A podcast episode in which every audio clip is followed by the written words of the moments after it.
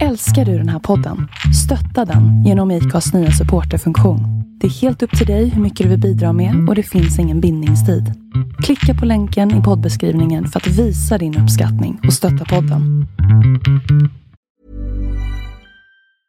I'm Sandra, and I'm just the professional your small business was looking for. But you didn't hire me because you didn't use LinkedIn jobs. LinkedIn has professionals you can't find anywhere else, including those who aren't actively looking for a new job but might be open to the perfect role, like me. In a given month, over 70% of LinkedIn users don't visit other leading job sites. So if you're not looking on LinkedIn, you'll miss out on great candidates like Sandra. Start hiring professionals like a professional. Post your free job on linkedin.com/people slash people Nice. Yeah. What you're hearing are the sounds of people everywhere putting on Bombas socks, underwear, and t-shirts made from absurdly soft materials that feel like plush clouds. Yeah, that plush. And the best part? For every item you purchase, Bombas donates another to someone facing homelessness. Bombas. Big comfort for everyone. Go to bombas.com slash ACAST and use code ACAST for 20% off your first purchase. That's bombas.com slash ACAST. Code ACAST.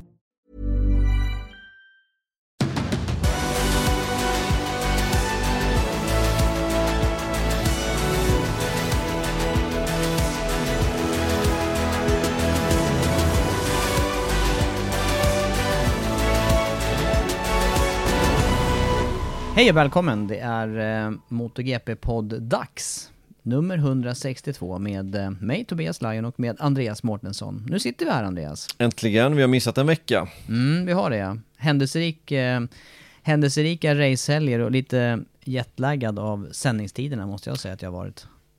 Vi hade ju nästan förberett podden till förra veckan. Japan, plus och minus, allting var redo. Och sen eh, blev det inte så ändå, vi fick scrappa det. Ja. Det är för mycket med, eh, det är för mycket annat i livet pa parallellt. Eh, Mm. Men, men eh, den här veckan åtminstone, efter Thailand-racet istället då. Men det blev ett händelserikt, händelserikt race i Japan. Blev det inte? Jo, jo, jo, det var ju superspännande, precis som det var den här helgen i Thailand och mästerskapet har ju totalt sett blivit vi- jämnare och jämnare. Ska vi göra en liten recap av Japan? Lite sådär utan att ha pratat igenom det här. Vi skulle ju inte prata om Japan, skulle vi? Skulle ju bara prata om Thailand. du är men- ändå sugen, eller Ja hur? men jag är sugen, jag är sugen. Jag, jag, måste, jag måste bara hylla Miller. Vilken körning han gjorde i Japan. Och ändå så blev det, han var, han var överlägsen fartmässigt. Fullständigt. Nej, ja, det var han, verkligen. Och, Ja, det var kul eh, att se. Ja, jag tycker ändå att det var spännande, för det, det är spännande när det är en förare som normalt sett inte är där. Jag satt ju bara och väntade på att hans däck skulle ge sig, att han hade gått ut för hårt på något vis. Mm. Han var, han var magisk i omkörningarna, klippstabil. Jag tycker det är kul att se Miller. Jag, jag tycker om honom som person. Men man har blivit lite trött på hans körning. Att, att man förväntar sig, och har förväntat sig kanske lite mycket. Och sen så har han inte riktigt levererat det. Och därför tycker jag det är extra kul nu när han verkligen levererar på hög nivå. Ja, ja, och så gör han det igen i Thailand. Ja. Och eh, ja, det är ju det, det är ju bara den här återupprepningen, eller upprepningen utav eh, det här som vi vet sker nu när man från Ducatis sida eh, ber förare lämna. Eller Ja, får dem att lämna. men, men eh, jag kan ändå inte, jag, jag kan inte slita mig från tanken här nu. För nu, är- nu är det Australien nästa gång, hans hemmaplan. 40 poäng bakom. Tänk om han går och vinner. Ja, det, nej, det, är, det är inte omöjligt. Och så lite oflyt för Quattararo och Banjaya. Och sen är han med i mästerskapet. Och Mm. Ja, Alltså det skulle ju lika väl kunna regna i, i Malaysia. Ja, Det skulle kunna regna i Valencia. ja, och vara kallt. Och halt. Ja. Och passa honom perfekt. Mm, Tänk om man skulle ta, ta det här mästerskapet till slut. Det hade varit sjukt kul tycker jag. Ja, det hade det varit. Och, och bara lite kort ytterligare om, om eh, Japan där, eftersom du börjar med det. Dels att Miller vinner, men sen också hur, hur oerhört svårt toppförarna har att göra en bra racehelg där. Var, söndagen var ju helt... eh, Om man tänker på hur många stjärnor som, som stod fel för alla de tre i toppen där, så Ja, ja, det var många poäng förlorade. Och jag vet inte vem som är värst drabbad egentligen. Aleix Sparger hade jag känt. Jag kände mig otroligt frustrerad om jag var i hans, i hans läge. ja, ja. Ja, det, det var inte bra det som hände för Alicia Sparger och där att eh, man, man gör allting för att ha så mycket effekt som möjligt, för det är ju det det handlar om i slutändan, att man kör så långsamt. För, för reglerna säger att man får inte tanka på griden och det är ju det som är grejen här. Man, man får tanka dem, ja, ja överallt, man Ja. får inte tanka någonstans. Utan, utan det är 22 liter som gäller, från det att du åker ut på ditt sighting lap och då kör alla super, super långsamt och till och med så långsamt så att de inte ens ger det här de ger inte ens det här kommandot, orden till föraren att sköta det. Utan de lägger till och med in en annan mapp som gör att de inte kan köra snabbare än 100 km i timmen eller vad det kan vara för någonting. Och varva mer än 4000 varv. Så de gör ju allting för att spara de här sista centilitrarna bränsle till racet så att man kan köra på en lite fetare mapp under de här, hur många nu varv det var, men 12 mil i vilket fall som helst. Och man gör det och, och, och sen, sen missar man och tankar ur den mappen och i med den riktiga racemappen. Det kommer ta många race innan man har tjänat igen de här poängen som man förlorade där. Ja, och så rent, det är mänskliga faktorn helt enkelt. Ja, ja, är det det då? Kan man skylla det här på en mekaniker som missar? Ja, det, det, det är klart man kan, för det är ju en tekniker med en måste ju- dator ja, som Det kopplar måste in. ju som vara har hans miss- arbete där framme. Jo, men det är ju också, det är ju också ett systemfel att han kan göra det här misstaget. Det är ju upp till en stor organisation som Aprilia Racing att göra checklistor, göra någonting som gör att detta inte kan inträffa. Varför inte ha en strömbrytare, en brytare som man kan byta mapp, så man kan ta bort den här mappen? Ja, ja. Varför inte göra så fort han kopplar in den så starta inte hojen gången efter. Det går att göra massa olika saker som gör att oj, det här har jag glömt, det här måste jag fixa. Men den klockan ringer ju aldrig. Nu så kanske jag vill säga att det är ett systemfel. Jag vill inte peka ut en mekaniker, även fast givetvis så är det en det är ju en person som har glömt att lägga in den här. Men allting beror på, skulle jag säga, organisationen. Ingen säkerhet bakom där, eller bakåt. Nej, det är ingen, det är ingen backup riktigt. Nej. Nej men eh, surt för att det var ju också en helg där eh, även Banjaya kraschade ur racet till slut. Superklantigt, Ja, skulle jag säga. Att sista det var. varvet. Sista varvet, klart han vill mycket, han vill ta den här extra poängen och det, det var ju inte en poäng vi pratade här, det är ju en poäng som han hade tagit mer, men det är också en poäng mindre som Quattararo hade tagit, så det var ju två poäng. Och vad hade de två poängen inneburit idag då? Ja, då har det inte slutat som det gjorde, hej och hå. men ehm, det var inte bra, det var inte ens nära att lyckas, han var för långt bakom, helt enkelt. Han hade, han hade behövt linea upp bättre inför den här omkörningen Ja, helt enkelt. Ja, det hade han behövt. Och han sa ju själv att han var lite stressad och ville ikapp Vinales också som låg ett par hundra meter till längre fram. Som man ville då ta på bakrakan ner mot kurva 11 men Inte, det, rim, det är klart, inte rimligt. Nej, det är klart att man kan se det väldigt positivt som förare när man är snabb och snabbare än alla andra men det var lite väl positivt. Så den som tog poäng utav topp tre, det var ju Quartararo till slut. Och han var ju också jättenära att åka med i den här vurpan som Banjaya gjorde. Får man med ett bakplåtspapper däremellan? Nej, det är Fram knappt. och det är bakdäck. knappt. Frimärke eller vad man nu säger. Ett hårsmån. En hårsmån ifrån, verkligen. Ja. Och dras med. Och han hade ju, han hade ju åkt med i den. Ja, ja, en liten touch bara. Det hade räckt eh, en centimeter touch så hade han åkt. Ja. Eh, ja, där hade han tur. Eller hur man ser det. Ja, och då gör ju det, Det hade ju- samman... Ja, förlåt. Hade det blivit en krasch där med och Quattararo hade dragits med, då hade ju Banjaya haft den bestraffningen med sig. Och då hade han ju presterat ganska dåligt nu, hur, som vi såg hur det utvecklade sig. Med dålig sikt och hade han åkt på en lång lap eller kanske till och med två lång lap penalty för en sån smäll. Vilket är ganska troligt skulle jag gissa på. Jag tror inte, jag tror inte tävlingsledaren hade räckt sig med en där. Om han hade dratt omkull Quattararo. Nej, det- nej inte, med det som, inte med det som hände i Nederländerna, på assen i, i bakhuvudet. Nej, det, det hade ju definitivt blivit en, en, en bestraffning. För han var ju, vad var det de sa nu åt Quattararo? Han var over ambitious. Ja, overambitious var det. Ja, det, det kan man ju säga att Extremely overambitious Ja, det. exakt Det här var ett snäpp till. det var ett snäpp till på det. Det var ett snäpp till. Ja, nej Så det, det, var... det, det kanske är bättre för Banjaya att nolla och ge Quattararo åtta poäng där, än vad det hade varit att båda nollade och att han hade fått två long lap penalty i slutändan. Mm. Mycket möjligt. Så kanske det var bra att han inte drog omkull Quattararo. Ja. Det var ju bra på många andra sätt, men ja, om man tänker poängmässigt. Ja, nej det var, det var väldigt tuff helg där för, eh, för toppförarna i mästerskapet som sagt och det, där, det gjorde ju också på något vis att, eh, eller hela den här utvecklingen, hela kedjan av händelser sen sommaren och assen när, när Quartararo egentligen gör sitt första misstag. Därefter har han ju fortsatt, fransmannen har ju fortsatt att tappa poäng Mm. gentemot framförallt Banjaya. 91 poäng till två. man var ju på väg att skriva av det här mästerskapet redan någon gång där mitt på sommaren. Ja, det har man. Nej, det, det har gått tungt för Quattararo nu senaste. Han, han tog en åttonde plats där men, men eh, ja, vi får ta det när vi kommer till Thailand då om en liten stund. Ska vi ta startnummer ja. först? Vi hoppar dit nu då, så vi kommer in i den ordinarie Det, det var podd, Japan, lite, ja, liten nej, men kort var, recap. Ja, men det var, nej, det var en bra helg. Mycket bra. Kul Öppna. att vara tillbaka tycker jag. Och se Japans bana igen, Motegi. Ja, ja, ja. Det känns jättekul med de här racen. Det är som att man kommer på nya platser och det ja. är, man glömmer av det när vi sitter och jobbar att de här eh, förarna inte heller har varit på plats och kört MotoGP. Så att det är ju väldigt mycket nytt.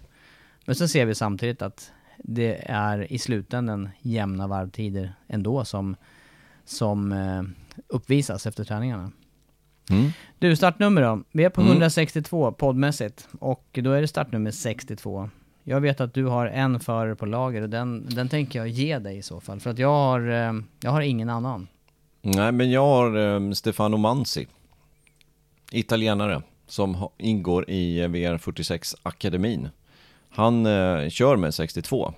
Gör han det nu? Det vet jag inte i Supersport-VM. Men i, i alla fall när han körde GP, vilket han har gjort i år, så är det 62 som gäller för, för den här föraren. Och min reaktion där blev ju att det är en, en dussinförare, eller lite, inte medioker ska jag inte säga. Han kör VM, men han har ju inte gjort mycket väsen av sig sedan han började köra på full tid i, eh, i GP-sammanhang. Nej, han är född 99, eh, gjorde sin premiär, han, han kör alltså um, Rebel Rookies Cup, det är därifrån han kommer. Och ser man bara Stefano Mansi och man har sett honom i resultatlistan, han har inte gjort så mycket. Eh, då kan jag också hålla med om att han ses som en dussinförare. Han har faktiskt haft en pole i, i Moto 2. Men, eh, men ses som, som en dussinförare. Men går man in och tittar lite i hans statistik och, och varför kan det ha gått så här och vilka resultat har han gjort egentligen? Och tittar man på Red Bull Rookies Cup, han, han körde där 12, 13, 14. Och han är född 99, det vill säga att han var 13 år gammal när han började köra Red Bull Rookies Cup. Ungt. Eh, första året blev han 13, sen blev han 3 och 3. Och, och går vi in där på 2014 års Red Bull Rookies Cup, där han alltså blev 3. Det här är och, och, sista året han körde Red Bull Rookies? Det är sista året, sista året han körde. Eh, och så tittar vi på vilka som var med där och, och körde och som gjorde bra resultat då i tabellen. Då, då vann Jorge Martin Före Johan Mir, trea Stefano Mansi. Andra namn som är anmärkningsvärda då, Bradley Ray, som eh, är på väg mot titeln i, i British Superbike den här säsongen, blev fyra. Toprak Raskatlioglu blev sexa. Eh, Fabio Di Gianantonio blev åtta, MotoGP-förare. Bo Benschneider blev nia, han kör Moto 2 idag. Darren Binder kör MotoGP idag, han blev trettonde. Eh, Joe Masia blev sjuttonde toppen Moto 3. Du, det är inga dåliga namn det där. Nej men det är ju inte det. Nej. Det är bra namn. Eh, och, och, sen så, efter det då, vad hände då? Jo, då körde han Mahindra i två säsonger som var undermåligt material. Eh, Banyaya har kört Mahindra, gjorde bra därifrån sig och byggde vidare på det. Men två säsonger, eller en säsong där och sen gjorde han inhopp andra säsongen. Sen tog han klivet till Moto 2. Och det gjorde han redan 2017. Han är alltså född 99 fortfarande. 18 år gammal, alltså det är ungt. Det är väldigt ungt. Mm. Väldigt, väldigt ungt. Eh, och då in i Sky Racing Team VR46, som var ett bra team, yeah. toppteam, mm. men kanske lite för tidigt. Och kanske, han, han, är ju lång, så han var ju tvungen på något sätt att lämna Moto 3, men just karriärmässigt var det nog synd att lämna Moto 3. Upp till Moto 2, körde en säsong där, så fick han inte förnyat förtroende.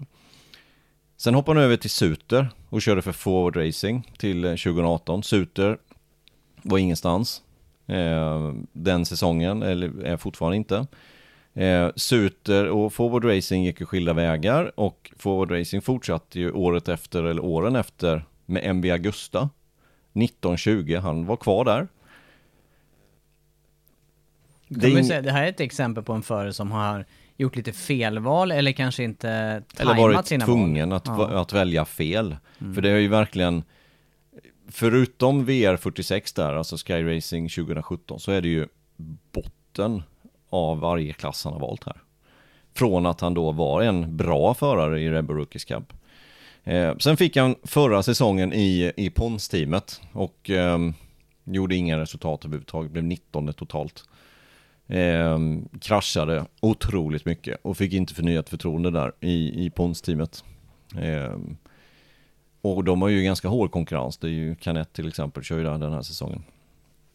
Men då visar ju, den här föraren visar ju med, tydligt, eh, med tydlighet att det är väldigt svårt att både tajma, ha möjlighet att komma vidare. För jag menar Red Bull Rookies Cup-resultaten här visar ju på förarkvalitet. Ja, ja. Och, och som sagt förra, eller förra året då i, i Pons, eh, då var det ju, eh, då hade de tre förare. Det var Garçot, det var Mansi och det var Alonso Lopez. Eh, Lopez vet vi vad han gör nu. Ganska bra kan man säga.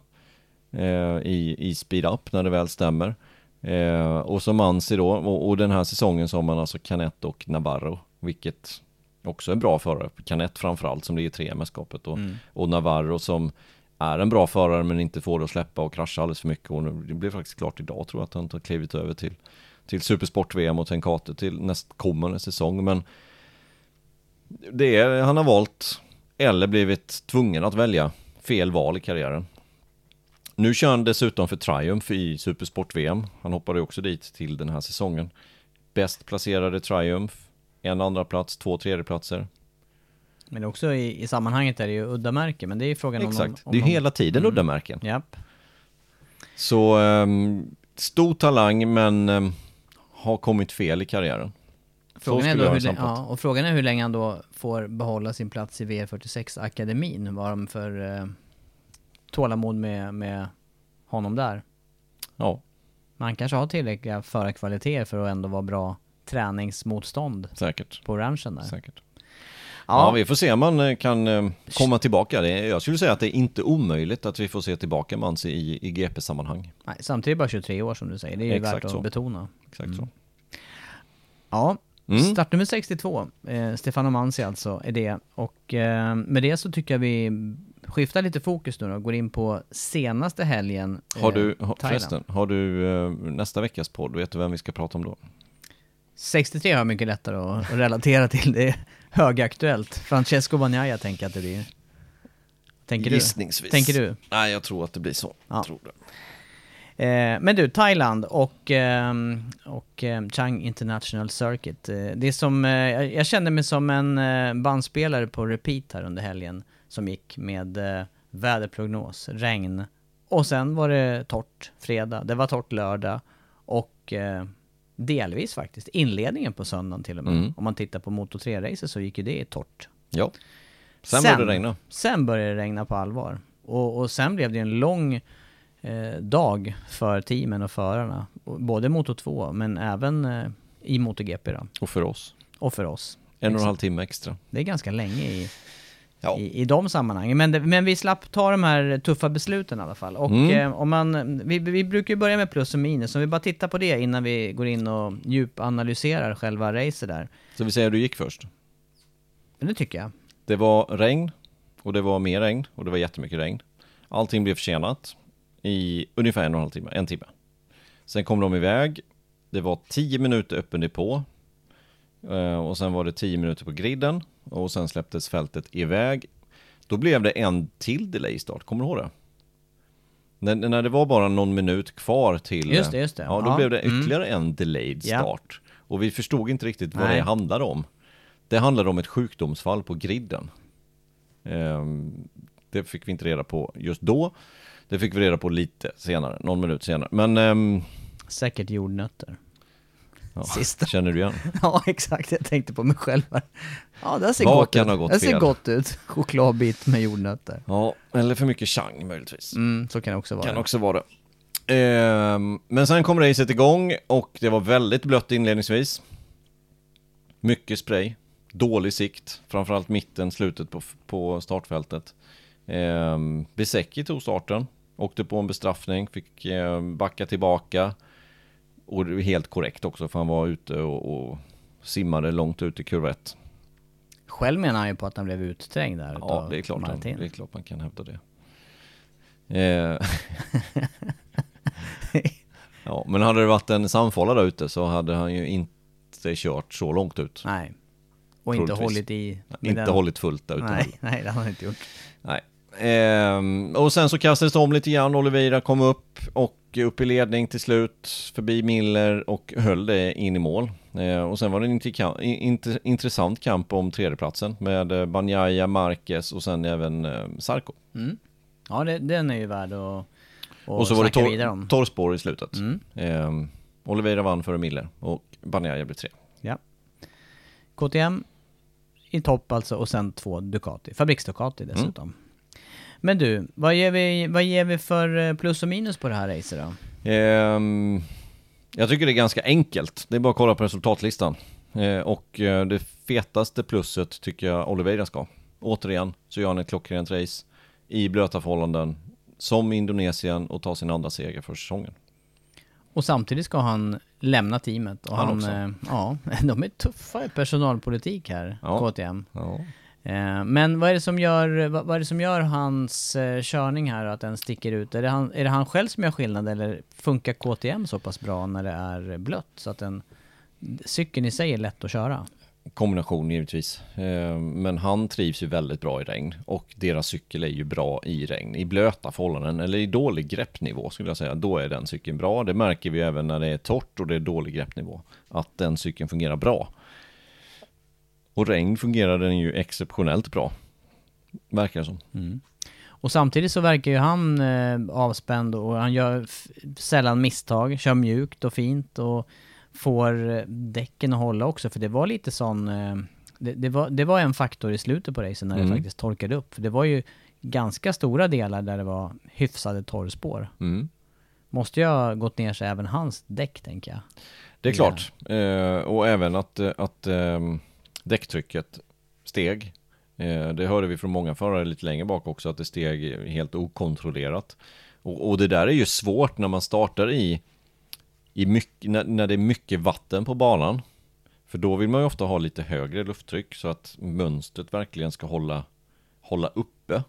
Och att vattnet ska kunna passera i de här kanalerna eller vad man nu kallar det i däcket. Ehm, men det skapar ju också hög temperatur när det väl blir torrt. Och ehm, ja, Då är det inte lätt. då blir det högt tryck Ja, ja. i däcken. Och det vill du inte ha när, för samtidigt när det blir torrt så blir ju däcken varmare och varmare och då stiger ju trycket på grund av det och sen Och så blir det mindre kontaktyta mot asfalten och så blir det varmt den delen Ja. som ligger mot ännu mer. Ja, Delvis, eller? ja, jo. Eh, men, men säkert framförallt att du startar då kanske med lite högre lufttryck och sen så blir det torrspår och då stiger det okontrollerat. Eh, för har du för lågt tryck, lufttryck när det är eh, mycket vatten, då drar inte vattnet undan på det sättet heller. Så det där var ju en, en svår avvägning. Och, och nu ska jag inte säga att det var så, men, men till exempel Sarko skulle inte förvåna mig om han körde med lite lägre lufttryck till exempel, för han kom starkt på slutet. Medan några andra gick tvärsom. Ja, ja, vi såg ju Besecki där som sagt var Ja, i... han kanske hade lite högre lufttryck. Mm. Nu säger jag inte att det var så, för jag har inte frågat honom, men, men teorin borde stämma hyfsat bra. Ja. Men Oliveira och KTM, eh, och som du säger, andra segern för säsongen och eh, återigen då i blött underlag. Och han, eh, han håller undan för Miller som, som slutar tvåa på pallen andra racet i rad. Han måste ju också hamna på plussidan, eller är det, eller är det Ducati som är plus på den här delen? Ja, nej men jag tycker vi, vi klumpar ihop de där som blev tvåa, trea, fyra. Eh, och det var ju Ducatis hela gänget där, Miller, Banjaya som blev trea och Sarko som blev fyra. Men är du förvånad över ordningen här då, i, eh, i mål, de här tre emellan, med tanke på att det drar ihop sig i mästerskapet också? Eh, både ja och nej, det ska jag inte säga. Vi, vi pratade om det i sändning att om Miller känner att han inte rår på Oliveira, då kanske han släpper. Men luckan var så pass liten till Oliveira så att Miller hade varit dum om han inte hade legat på där. För ett litet, litet misstag från Oliveira så hade, ju- så hade ju Miller kunnat vara där och hugga om segern. Eh, Sen att Sarko gör som han gör. Han sa ju själv efter racet att han ville inte ta några risker. Eh, och, och speciellt när han såg att han inte kunde vinna racet så ville han inte ta några risker när han skulle om Banjaya. Utan ha- han har inte fått några teamorders men han, ha- han vet ju liksom vilket konto hans utbetalning kommer ifrån. Och tänkte väl själv lite. Och är man över 30 så tänker man kanske lite mer än om man inte är över 30. Han har ju redan fått en andra chans på något sätt Ja, i, ja. i Så han, han, GP-sammanhang. han, han spelade ju spelet på, på rätt sätt här, Ja. Sarko. Och det, och det är ingen som kritiserar honom för det heller. Det jag, det, det, jag, det jag kan säga var att jag tror att han hade vunnit. Han jag hade- tror att han, hade speeden att vinna. Ja, han var ju precis, alltså jag hade varit tvärsäker om det hade varit något, ett eller två varv Ja. till som han hade Ja. haft på sig, men han körde ju grymt Ja, det snabbt. gjorde han. han. Han plockade in, det var ju någon sekund det var per sekund varv. per varv var det. Ja. Så jag håller inte med om att han säger att, att han såg att han inte kunde vinna och därför inte tog chansen. Jag tror att han hade kunnat vinna det här racet. Så snabb såg han ut där med fem varv kvar. Men det hade krävts en, en omkörning om Banjaya omedelbart. Ja. Och, och kanske då knö sig lite förbi. På ett ställe som kanske inte var helt idealiskt. Är precis, Sista för, jag, svängen, ja, till för jag är ju inne på det också att kommer man med den farten där som han gjorde, det går liksom inte att backa in och vänta där några Nej. kurvor utan man måste göra det där omgående. Ja, för, för varven räckte inte till riktigt. Nej. Ehm, Men, men eh, jag, jag, jag tycker att han gjorde helt rätt. Alltså i, i Sarkos läge i mästerskapet, ehm, en pallplats hit eller dit för hans del. Spelar ingen roll, det är bättre att, att hålla hans arbetsgivare på god fot. Mm. Och så blev det ju verkligen Så i det här. det, Det såg ja. man ju tydligt efteråt. Ja, Eh, Tardozzi Ja, där var ju det- snabbt in ja, ja de hade ju knappt fått målflagg innan han var inne där och tackade dem. Så att det kommer nog någon bonuscheck för en tredje plats ändå till Sarko på något sätt, gissar jag på. Ja. Jag, han- jag tycker han var smart i det. det jag hatar teamorder i stort sett, men, men i det här läget tycker jag att han var smart.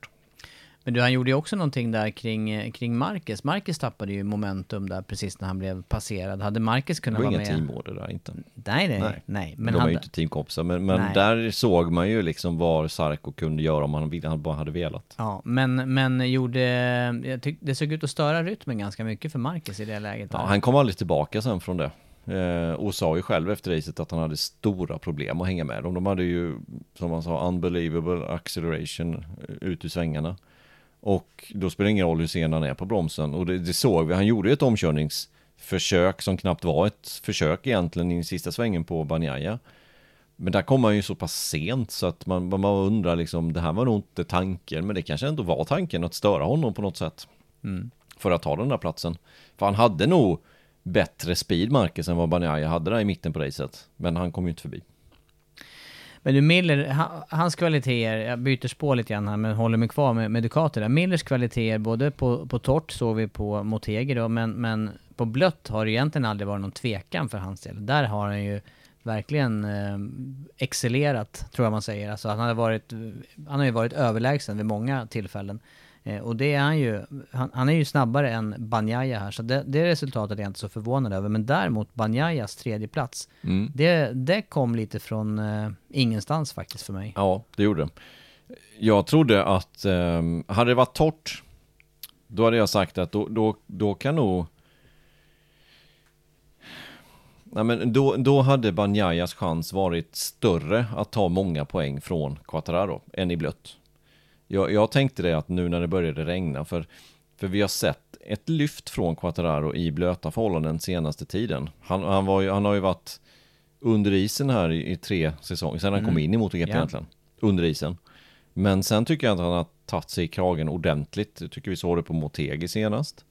Eh, att regnkörningen har blivit bättre och bättre för Quattararo. Så, så när det började regna så kände jag så här, med tanke på Banyayas form i Japan i blöt, blötan, när han var sist i Q2 Ja. och skulle med sin tid startat bland de sista, sista startled, eller näst sista möjligtvis. Då kände jag att ah, men det här är ju, det här spelar ju Quattararo rakt i händerna med blöta förhållanden.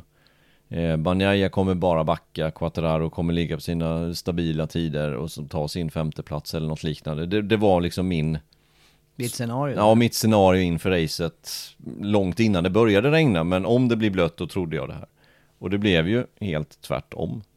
Det var ju Banjaya som verkligen gjorde ett kanonrace i blötan. jämfört med vad man är van att se honom i blött. Men det var, vad är det som ligger bakom det här? Det jag, det jag har förstått efteråt var ju att Miller och han hade något snack eh, inför, men det kan ju inte räcka att snacka på den här nivån. Det måste ju vara rent, det måste ju vara mer än så som gör att Nej, det men- plötsligt faller på plats.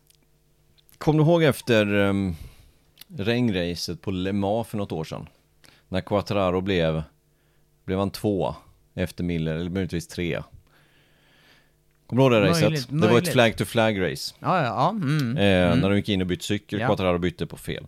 Och då var ju också Quattararo under isen i blöta förhållanden, men fick det här perfekta racet. För han hade valt medium fram, soft bak, eller om det var tvärtom. Han hade valt en gummiblandning mjukare på en utav däcken. För det var ju det racet också när Sarko kom starkt på slutet igen Exakt, där. exakt så. Ja.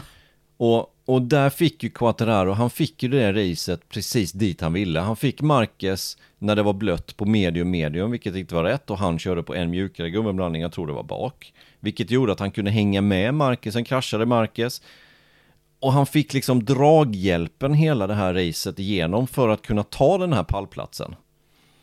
Och lite samma kände jag med Banjaya den här gången, att han startade långt och jag tror det var det som räddade hans race här, Banjaya. För att han kunde hänga med täten hela tiden.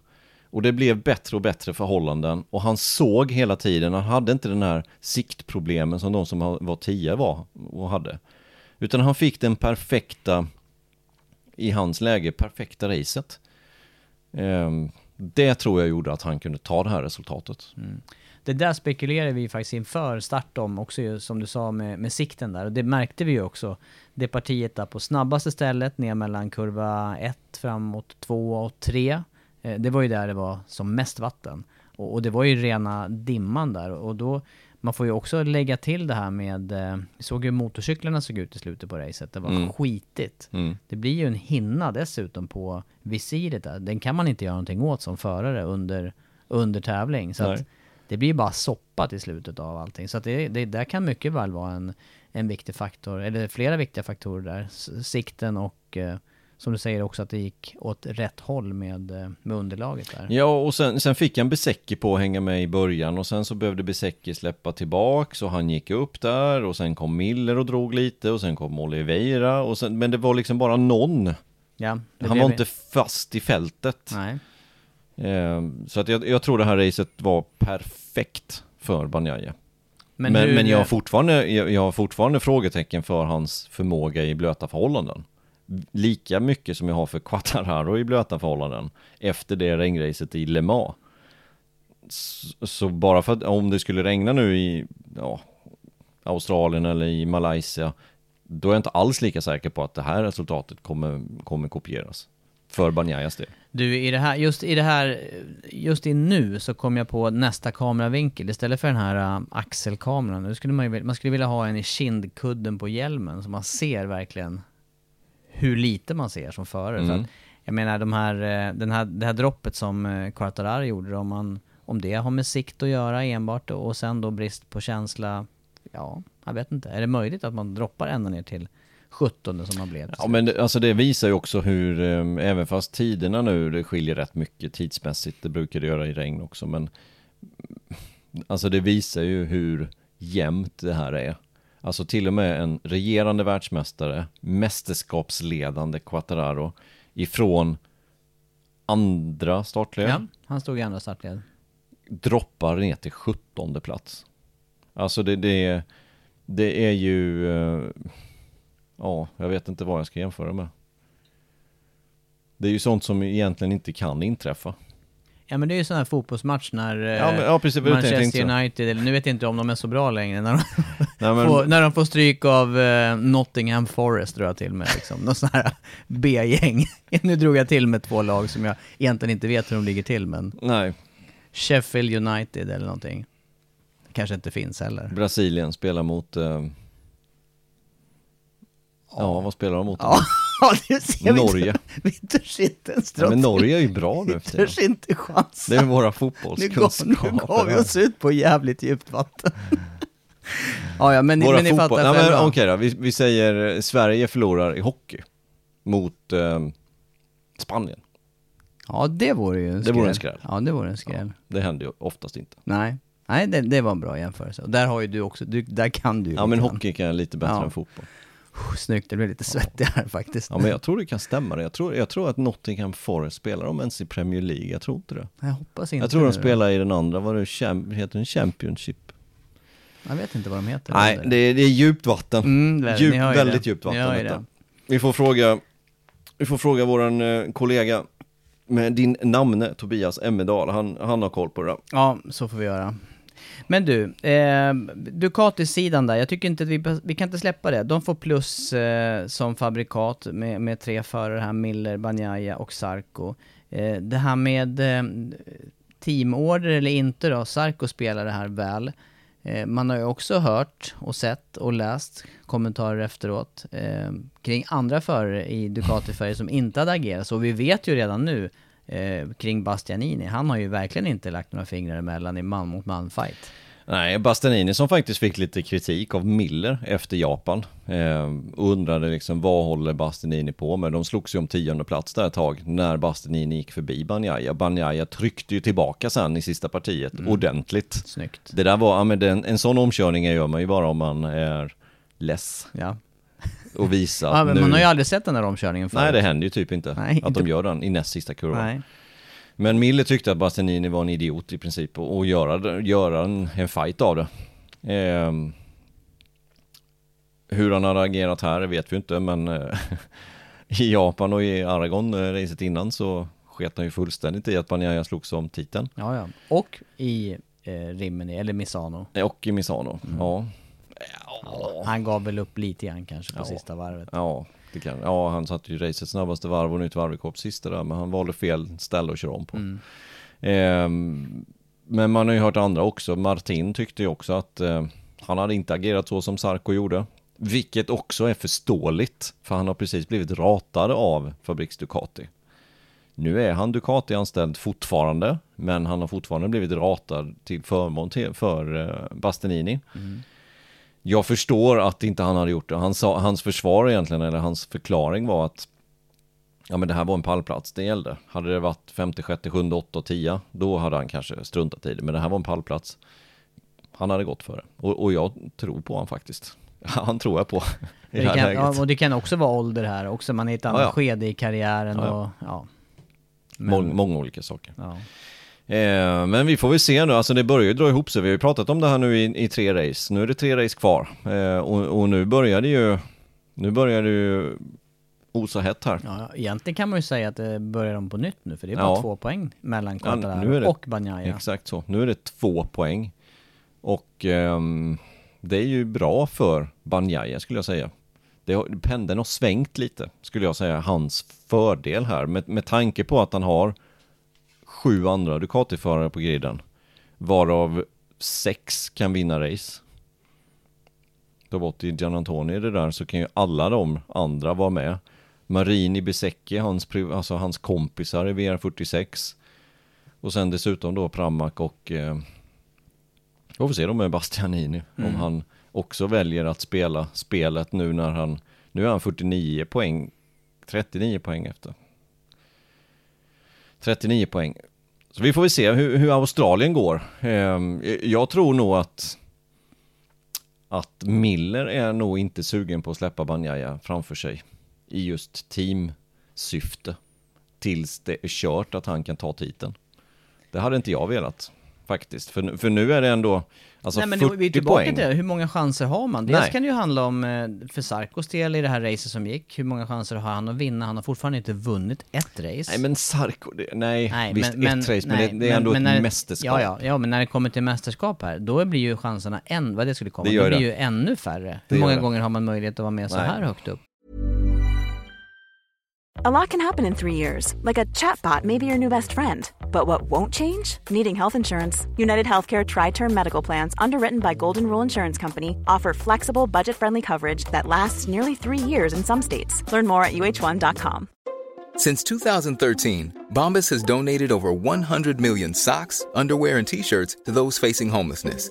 If we counted those on air, this ad would last over 1,157 days. But if we counted the time it takes to make a donation possible, it would take just a few clicks. Because every time you make a purchase, Bombas donates an item to someone who needs it. Go to bombas.com slash ACAST and use code ACAST for 20% off your first purchase. That's bombas.com slash ACAST, code ACAST.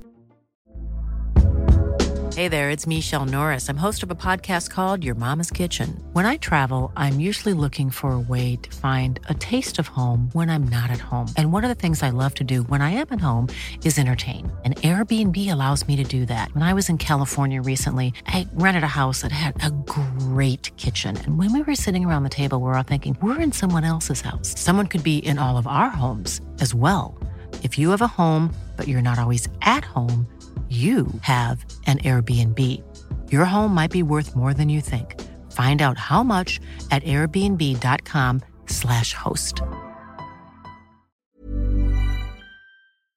Så, så jag, jag tror nog att Miller och Bastianini fortsatt kommer nog vara tills det, tills det liksom blir, tills det är över. Och, och tar vi nästa race, det är alltså Australien. Miller kommer ju inte släppa en seger på hemmaplan och 25 friska VM-poäng Nej, för och han att Banjaya ska nej, ta Och fem han poäng ska ju dessutom lämna Ja, tillbaka. nej, nej men det, det kan jag inte tänka mig. För vinna på hemmaplan, det är stort. Ehm, så, så att det tror jag inte. Ehm, det blir jättespännande att se hur de ska tackla det här. Men, men det är ju lite fördel Banjaya. Med tanke på att de, de är så många Ducatis. Mm. Men, och, men då, och, det, och, och tar vi banorna som är kvar. Alltså Philip Island är en av deras sämsta banor. Ducatis sämsta banor. De hade ju stora problem där för, för ja, 17, 18, 19 senast vi var där. Vi får Mm. Ja. se hur den fungerar den här gången. Så det blir rätt intressant att se faktiskt. Kommer du ihåg Dovizioso Mm, ja, där? skulle säga det. Dovi 13 var ju- eller ja, ja, någonting. var I, och då var det ju mästerskapskamp Japp. mot Marquez. Mm. Eh, Malaysia borde passa Ducati väldigt bra. Två långa raksträckor. Start och mål och innan start och mål. Mm. Borde passa Ducati väldigt, väldigt bra den banan. och Valencia har väl inte varit någon Ducati-bana? Nej, men de var etta, tvåa, trea förra året. Mm. På Så var det där- både kval och race. Så där har det, ja det var åtminstone på race. Det har ju, Det ja, har det kanske var svängt. kvalet också. Det har det svängt ja. Där har det svängt. Mm. Så eh, Quattararo har, han har lite att bita i. Mm. Och, och framförallt nu när alla har pratat om, alla har pratat om teamorders. Till slut så kommer det ju komma, så är det ju.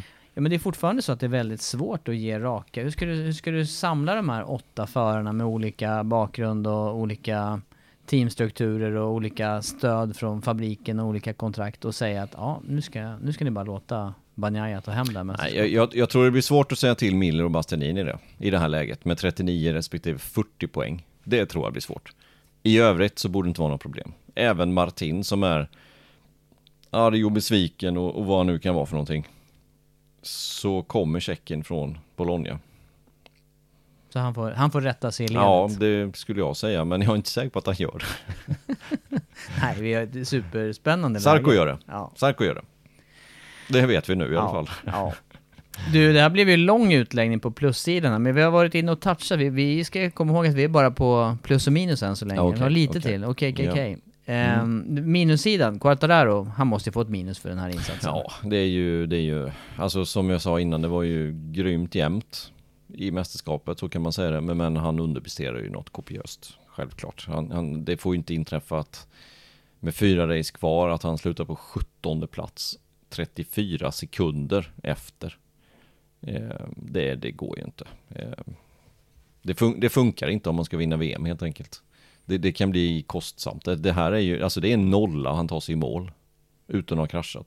Det, vi såg ju på reaktionerna också att han, han var ju helt... Nej men han var ju less var han ju, men, men sen får man ju inte heller göra som man gör och strunta i sina media, media åtaganden. Då kommer den här ungdomen fram Ja och men, slår alltså, igenom. ja men alltså det, jag tycker inte det är okej riktigt faktiskt att göra på det sättet. Att, det, det han gjorde var helt enkelt att han var så less så han, han bytte om och åkte hem i princip med sitt charterflyg och utan att svara på några som helst frågor.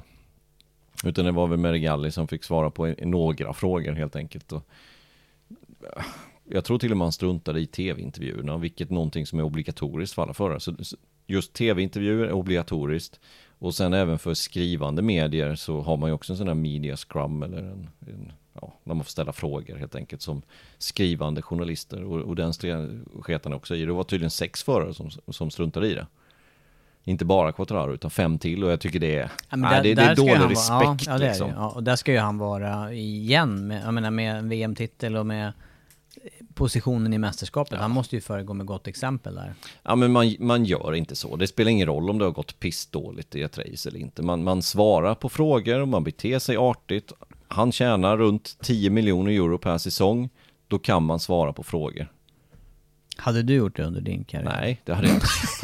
ja, men jag har just en känsla av Men det. jag tjänar inte 10 miljoner euro per säsong heller. Langa upp istället. jag var bara tvungen att ta den där. Nej men, ja, men det, det spelar egentligen ingen roll. Nej. Alltså, man ser det knappt i andra sporter skulle jag säga. Det är många andra sporter där det är...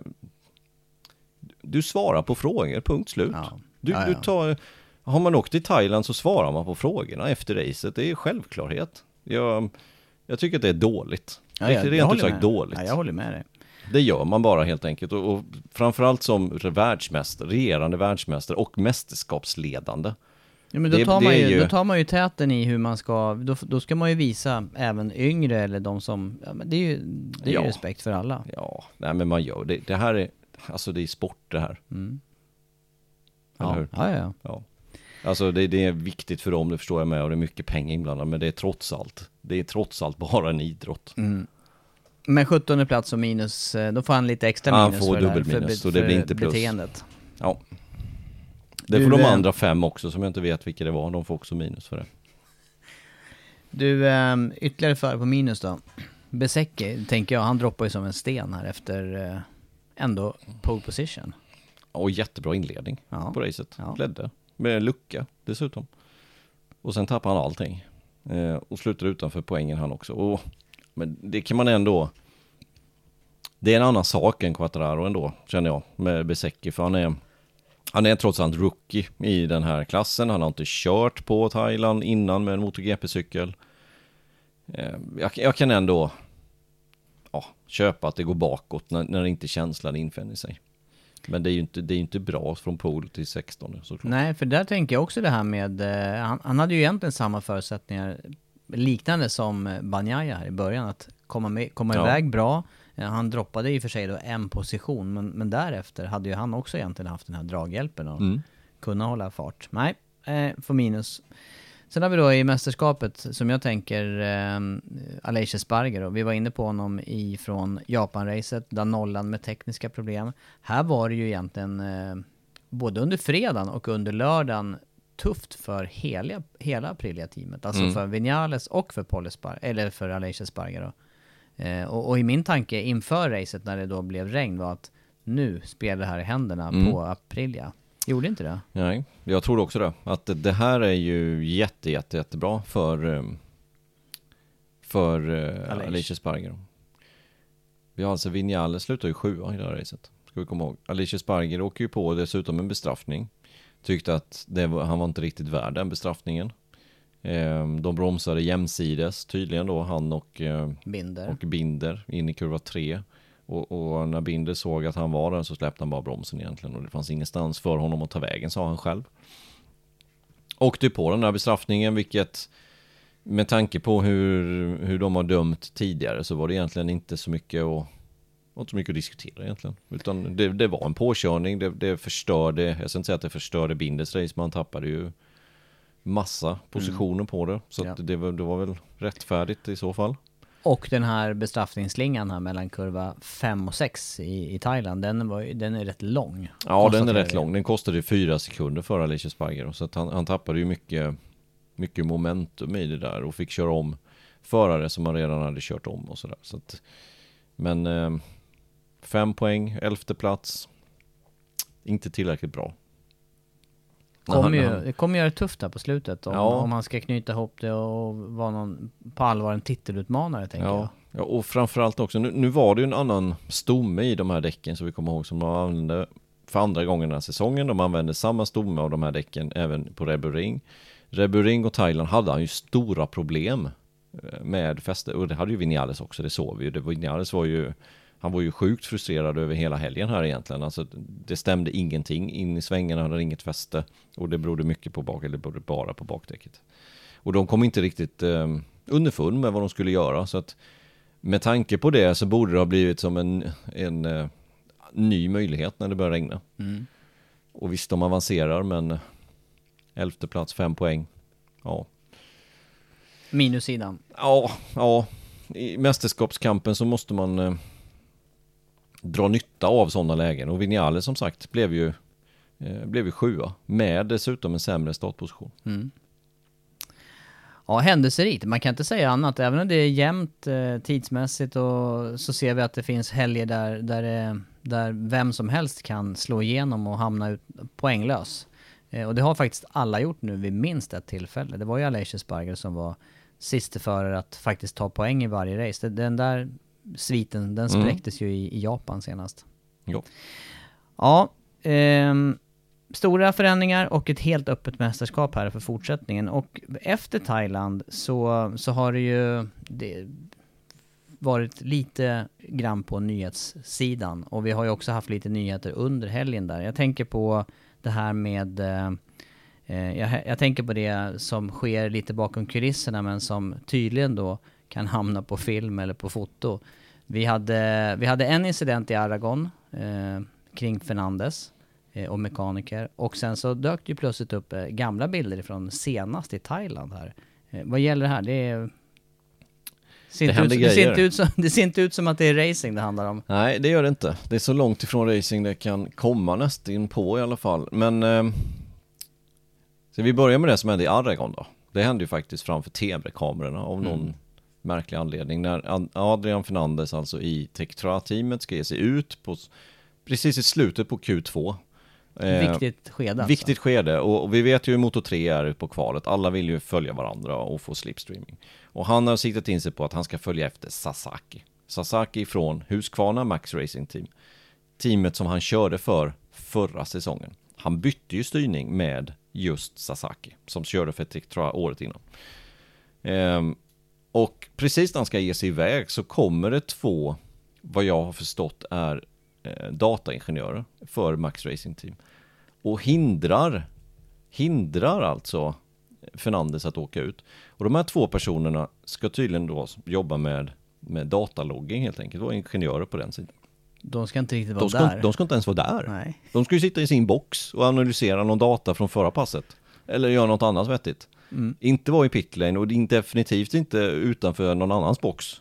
Nej, och än mindre vara fram och rycka i, Ja, den, här, den här ja. andra i så fall. Ja, och, och, och sen gör de någonting där som på något sätt då gör så att handtaget bromshandtaget åker in och, och det visas ju tydligen på, på dataloggen. Herve Poncharal, teamchef i Tektra, har ju visat att, eh, ja, grafen helt enkelt Mm. ifrån att det hände. Och sen vet jag inte riktigt vad Fernandes gör heller, för han får, han får något typ av stopp på hojen samtidigt. Så att han missar ju, han kommer ut för sent och sen så passerar han start och mål eh, med målflagg. Så han missar sitt sista flygande varv.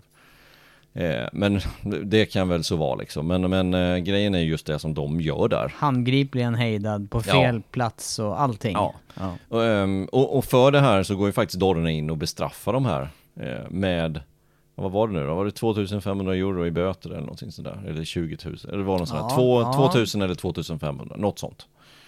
Ehm, I böter per person. Eh, och sen så får de inte komma till Australien och Malaysia. De fick vara nu på den här, för, den här resan då i Japan och i Thailand. Och det var ju för att de har fortfarande covid-regler i Japan och det är svårt att ersätta de här mekanikerna eh, med andra mekaniker. För det måste ju ansökas, ansöka om visum och allt vad det har varit. Så att då tillät de, de var schyssta helt enkelt, Dorna. Tillät det. Men eh, nu får de alltså inte vara på plats här i, i Australien eller i Malaysia som också är alltså två race efter varandra. Och eh, nu i helgen så kom det ju ut också att Akbiaggi har sparkat de här.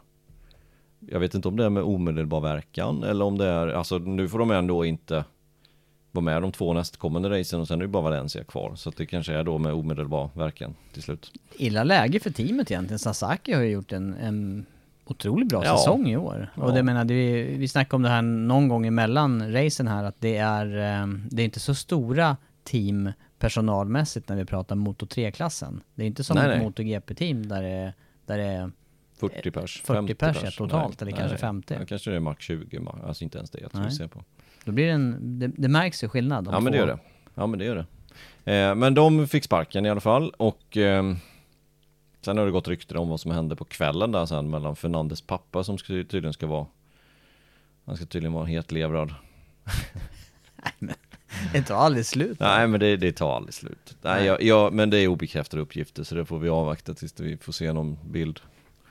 Något annat. Men du har ju Ehm, fortsatt, alltså du stormar ju vidare då, när, när väl cirkusen kommer till, till Thailand här, då dyker det upp vidare bilder Ja. på en, eh, en person då som beter sig kanske ännu sämre inne, Ja. inne i boxen mot, Ja. en, mot en dåvarande teammedlem. Och det här är ju den här personen som beter sig illa, du ska få dra det här Andreas, för du har bättre koll på detaljer, men, men den personen jobbar i Max Racing idag. Är det så? Ja, ja exakt. Och, och den här, alltså den här är tre år gammal den här videon. Eh, och helt plötsligt så kommer den upp till ytan.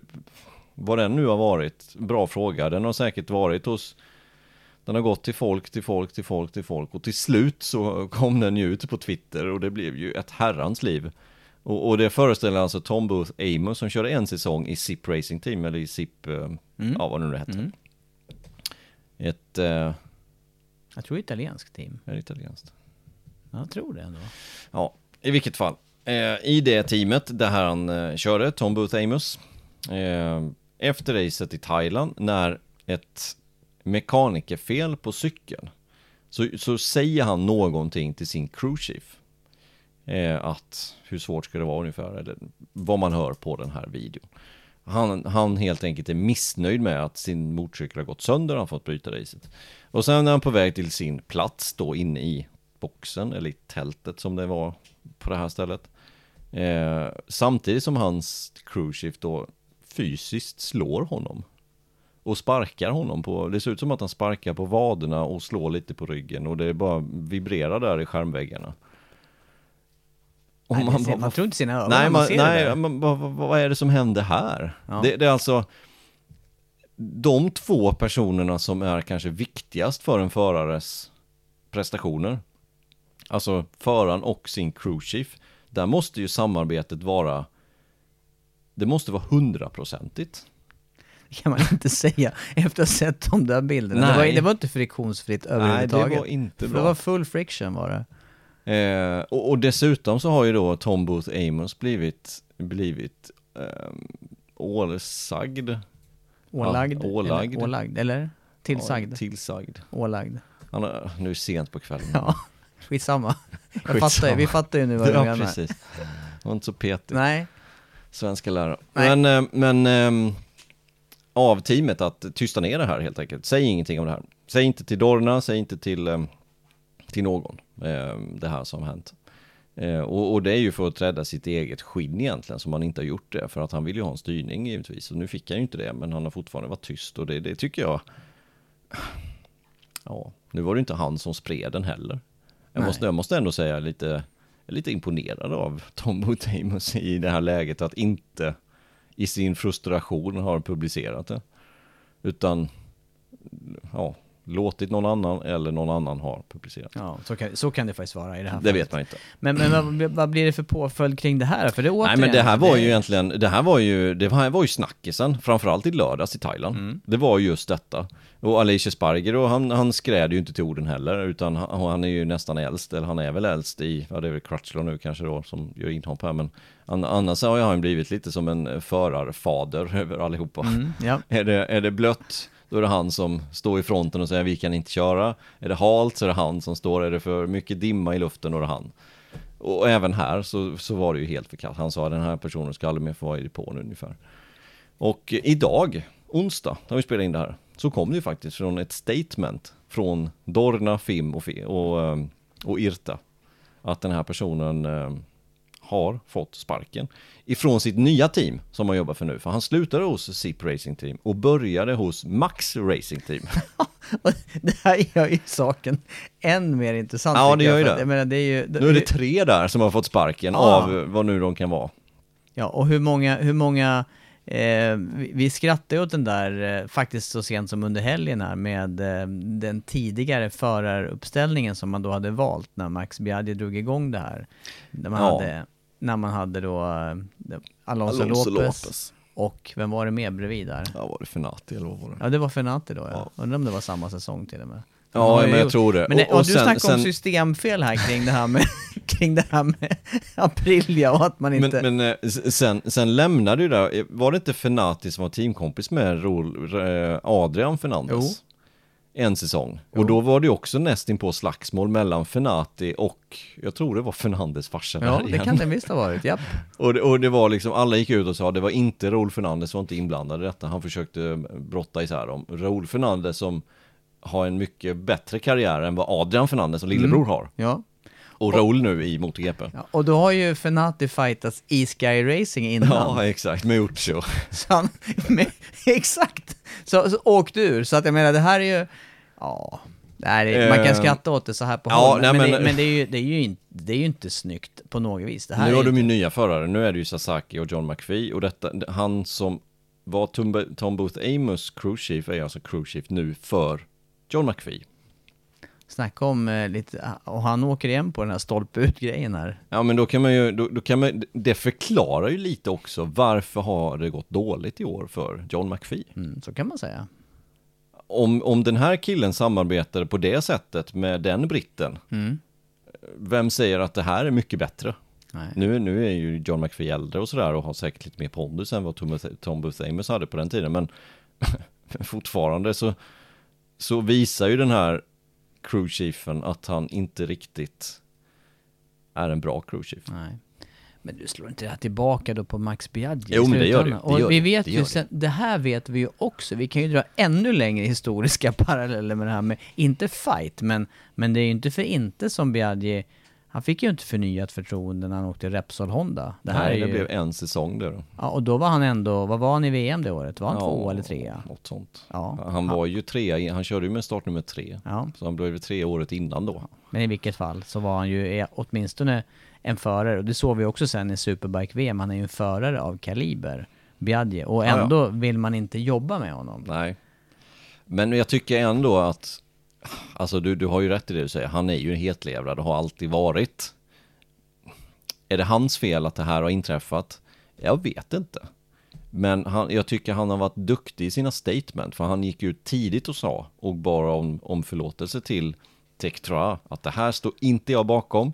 Och vilken sanktion Dorna ändå kommer ge honom, så, eller de här två mekanikerna var i det här läget, så kommer vi också göra det. Det Vilket riktigt. slutar med avsked, så att han försöker ju givetvis också rädda sitt eget team, givetvis. Ja. För, för, för en sån här grej, och ytterligare en sak, kan ju liksom stanna, alltså man är ju beroende av sponsorer Exakt, i då, Moto3. då är det plötsligt vita kåpor på de här. Ja men då står det inte Stergarda längre, Nej, utan då står det någonting annat, eller inget. då står det Guardia Civil. Ja, Sånt där på. de, de ställer inte upp med pengar, de ställer upp med man, Ja, ja. mantimmar. Kommer med, med bojorna där. Nej, vi ska inte skratta åt eländet. Men jag tycker det är, det är, Men- nej men det är det- tråkigt. Det är jättetråkigt att se. Det spiller ju över på, på Max Racing Team, så, så Ja, enkelt ja. är det ju. Ja. Eh, Och nu även den här incidenten. Och det, och det För grejen är, jag har ju varit stolt på många sätt över den här sporten. I egentligen jämt. För att Ja. så många, jag, var ju även eh, fan, alltså när jag, när jag var liten var jag på race. Och man kunde ju gå helt, det är klart att det var lite liv och rörelse ibland på campingar och på, men jag menar, såg man någon fighter? Det var ju inga i publiken knappt Nej. som slogs. nej. Det, ju, det har man ju knappt sett.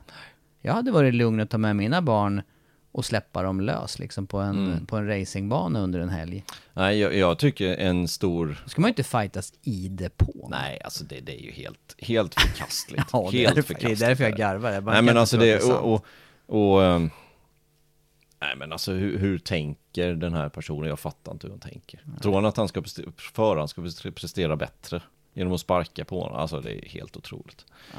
Det, det, det, det kan ha med många olika, men man vet ju inte. Vi, vi har sett ett kort filmklipp på 20 sekunder, så vi vet ju inte liksom bakgrunden. Men egentligen spelar det ingen roll att veta bakgrunden, för bara det man ser är ju tillräckligt för att ta avstånd från det. Men eh, det, det har ju blivit hårdare klimat, så enkelt är det ju. Ja. Tydligt och resolut eh, beslut efteråt här från Ja. Dorna och att det här, man, som du säger, försöker att eh, stämma i bäcken nu och bli av med Ja, de men här. vi får ju hoppas att de håller det här också, för, för innan har det ju lite låtit som att att Dorna inte har några som helst förpliktelser här utan det, det, får, det får lokala polismyndigheten ta hand om. Men, men så är det ju inte riktigt utan det som för sig i depån får ju ändå liksom vara på Dornas konto. Ja, jag tycker också det. Tycker jag. Mm. Eh, och, och det här är ju förhoppningsvis så det, det, det, är ju lite så i den här depån eller i den här världen att det blir ju lite gränserna suddas ut lite i depån. Folk blir lite, stämningen är lite annorlunda mot vad det är i vanliga livet. Mm. Ja. Det är, som en, det är som en, ett samhälle i samhället. Ja men det är ju så. Ja. Och som flyttar runt över hela världen under ja. säsongen. Jag menar det här är ju också det är ju inte så konstigt att det händer sådana här saker i slutet på säsongen heller. Nej, och sen händer det säkert, nu kommer jag inte ihåg Thailand hur det låg kalendermässigt, men, men det är en jobbig period i slutet på året med de här overseas-race, någonting som vi kommer prata om när vi kommer in på kalendern här lite senare mm. som har släppts till nästa säsong. Det, det är ju flera race, man är hemifrån, eh, med allt vad det innebär. Eh, och, och, och, så hettan på det, mm. värmen, Jaja. 35 grader luftfuktighet på 80-90 procent. Alltså det, det, det, det rinner över till slut. Men, men då kanske folk börjar tänka att även fast det är depåregler så, så och lite laglöst land på ett sätt så kanske folk tänker sig för lite att vi måste fan bete oss också för det, det har varit ett, ett problem mm. som behöver ta tag i ordentligt. Ja, vi släpper det. Systemfel. Ja, systemfel. Andra systemfelet. Nu har vi aldrig använt det ordet förut. Nej, men det har vi använt det två gånger. Japp. Bra. Du, kalendern. Vi får, uh, vi får uh, komma in på den också tycker jag innan, ja. innan det är dags att avrunda fullt ut. Och det, du säger något intressant här, för att kalendern släpptes här under helgen, eller just inför helgen i Thailand. Uh, och då är det utökat med ett race. Det är två nya banor på kalendern. Eh, och det är också en, en väldigt, eh, en betydligt senare säsongsstart än vi har sett nu ett antal år. Eh, ja, vad ska vi, vad ska vi liksom, vad ska vi börja? Vad ska vi trycka på här ja, när det gäller kalendern? Dels, Några datum som har ändrats också såklart. Ja, lite datum. Men om vi tar det snabbt här då. Men, men snabbt, snabbt.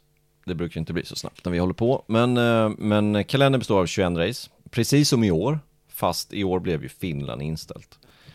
Eh, men tanken var ju 21 race eh, den här säsongen också. Men nästa år så är det planerat 21 race, två nya banor till att börja med. Kazakstan, den banan har jag förstått inte är byggd än. Eh, och sen i Indien, utanför New Delhi, Bud International Circuit, där man kört Formel 1, så den banan finns ju. Sen vad som behövs göras på den, ingen aning, men säkert upprustning, gissningsvis. Eh, men två nya banor, en bana försvinner ju då, eller två banor försvinner faktiskt. Den ena är ju Finland som, som verkar helt ute.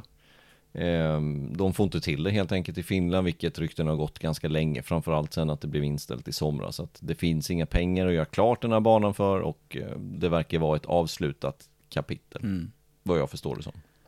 Ja, det var det är tråkigt med tanke på ändå hur långt framskridet det var med kontrakt med Dorna och med eh, testkörning. Precis, de har ju till och med varit och testat. Mm. Till och med testat. Eh, Kazakstan går in och tar det datumet i vilket fall som helst i början på juli. Och eh, sen försvinner ju en till bana. Och det, det, var ju flaggat för sen förut att man ska minska racen på den iberiska halvön. Nu har Portimao tillkommit sedan pandemiåret och eh, då skulle man ha lite färre race i Spanien. Det har ju varit fyra.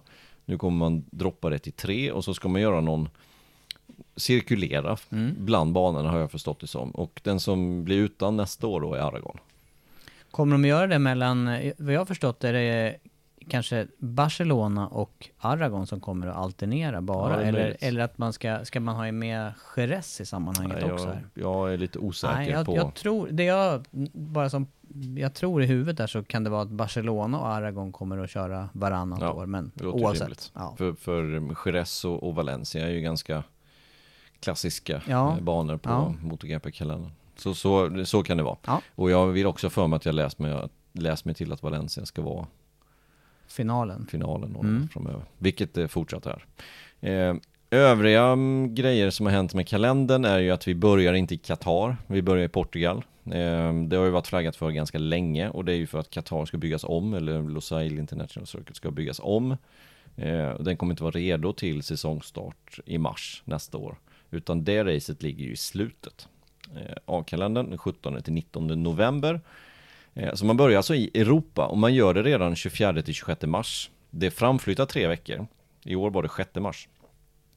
Så det är framflyttat eh, tre veckor men fortfarande i slutet på mars. Kan vara, kan vara kallt. Mm. Kallt, Kan vara ja. kallt. På riktigt kallt. Ja, på riktigt kallt kan det vara.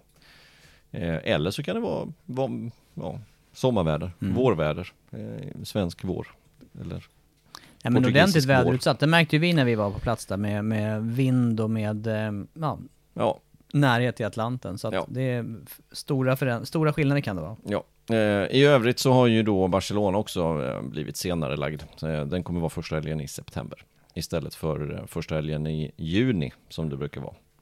Det, kan ju, det skulle ju kunna vara bra temperaturmässigt där för racet. Mm. Det, var ju, det har ju varit riktigt varmt några gånger. Det har det varit. Eh, det har det varit. Eh, ja, i övrigt så är det ju en, en luftig kalender inledningsvis. Eh, men nu ska vi se hur många back-to-back det är i början. Jag tror inte att det är så extremt många. Va? Det är... Nej. Inte jättemånga i alla fall. Men sen drar det ju igång ordentligt. Och då är återigen... Vi ska se, vi har en triple header här. Vi har, eh, vi har ett litet mini-sommaruppehåll faktiskt där mellan, mellan Frankrikes GP 14 maj till 11 juni. Mitt i, ja, Mitt i högtryck höll jag Ja, på att säga. ja, när, precis. när det varit som mest annars. från Le Mans till, eh, till Mugello där Barcelona ibland har legat då. Mm. Eh, nu är Italiens GP framflyttat då någon vecka. Eh, och sen så blir det en triple head istället då med, med Mugello, Sachsenring, Assen. Eh, ja. Och sen ett race till då i Kazakstan. Sen kommer det riktiga som- sommaruppehållet på fyra veckor. Eh, och sen drar det igång och, då, och sen drar det verkligen igång för det är ju det är alltså 10 race i slutet på säsongen på 13 veckor. Då har man inte råd vare sig bli skadad eller Nej. sjuk eller någonting egentligen. Det, Det är ett, eh, är mastigt program. det är ett väldigt mastigt. Vad blir förarreaktionerna på det här då? Jag menar, många tycker att det är för många race givetvis. Eh, må- många tycker om att ta det lite lugnt. Mm.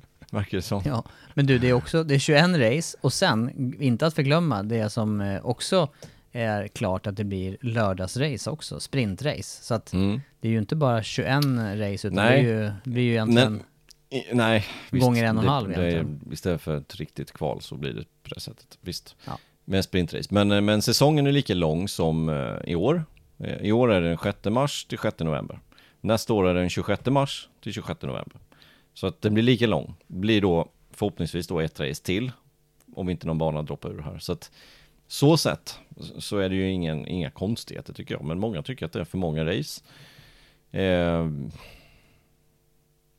ja, Och jag- sen, sen säsongsavslutning, det skulle ju också kunna vara jo, kallt där. Det, det är en sak som, som jag också tänkt på, det är 26 november. Det är, vi får väl se hur det är i år.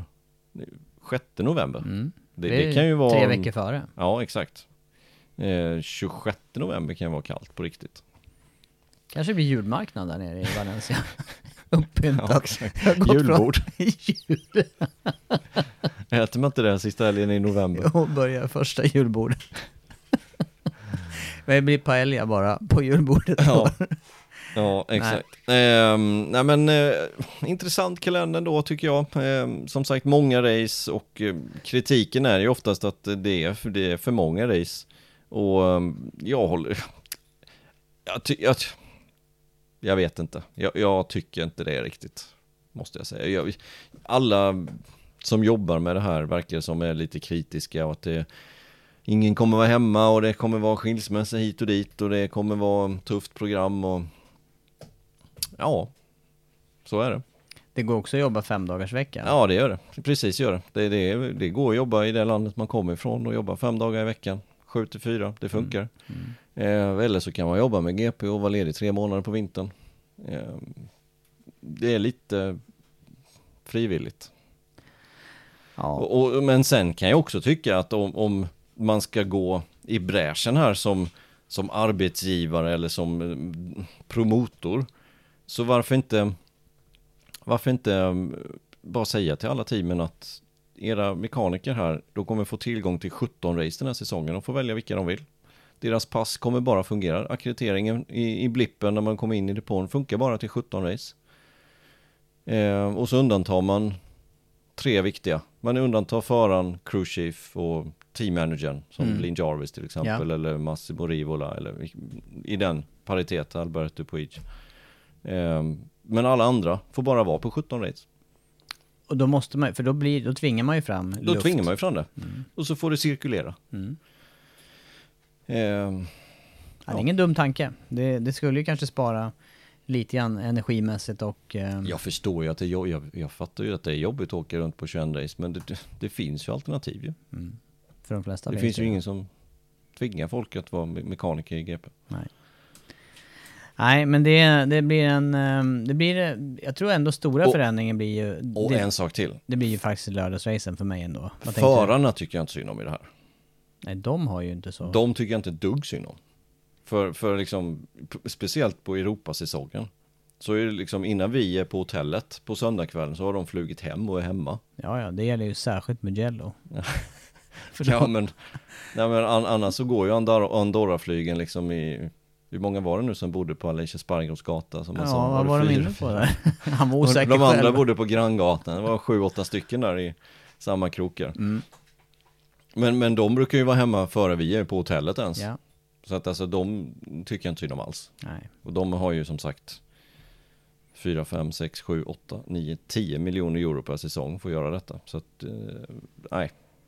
Nej, Det som är viktigt i det, det som du har varit inne på, skadar man sig så är, det, är man rökt. Men Ja. det är som alltid, det är svarta sidan ner som gäller.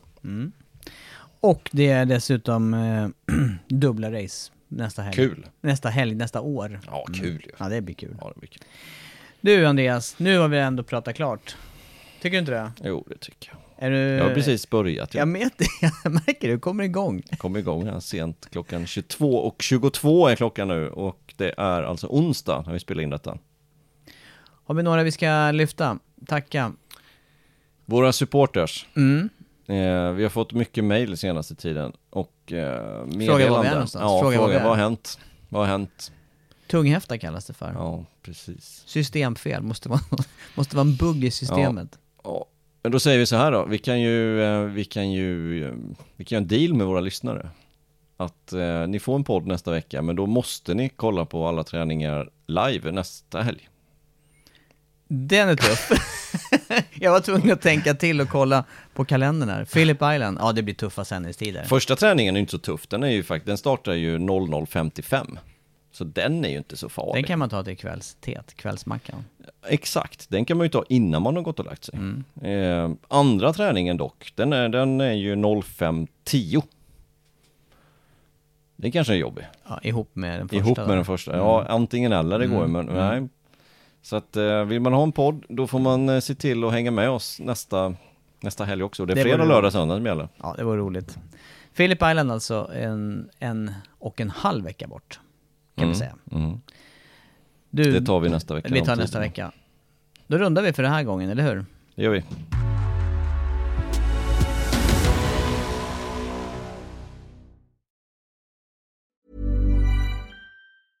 Mom deserves the best, and there's no better place to shop for Mother's Day than Whole Foods Market. They're your destination for unbeatable savings, from premium gifts to show-stopping flowers and irresistible desserts. Start by saving 33% with Prime on all body care and candles. Then get a 15-stem bunch of tulips for just $9.99 each with Prime. Round out Mom's menu with festive rosé, irresistible berry chantilly cake, and more special treats. Come celebrate Mother's Day at Whole Foods Market. Even on a budget, quality is non-negotiable. That's why Quince is the place to score high-end essentials at 50 to 80% less than similar brands. Get your hands on buttery soft cashmere sweaters from just 60 bucks, Italian leather jackets, and so much more.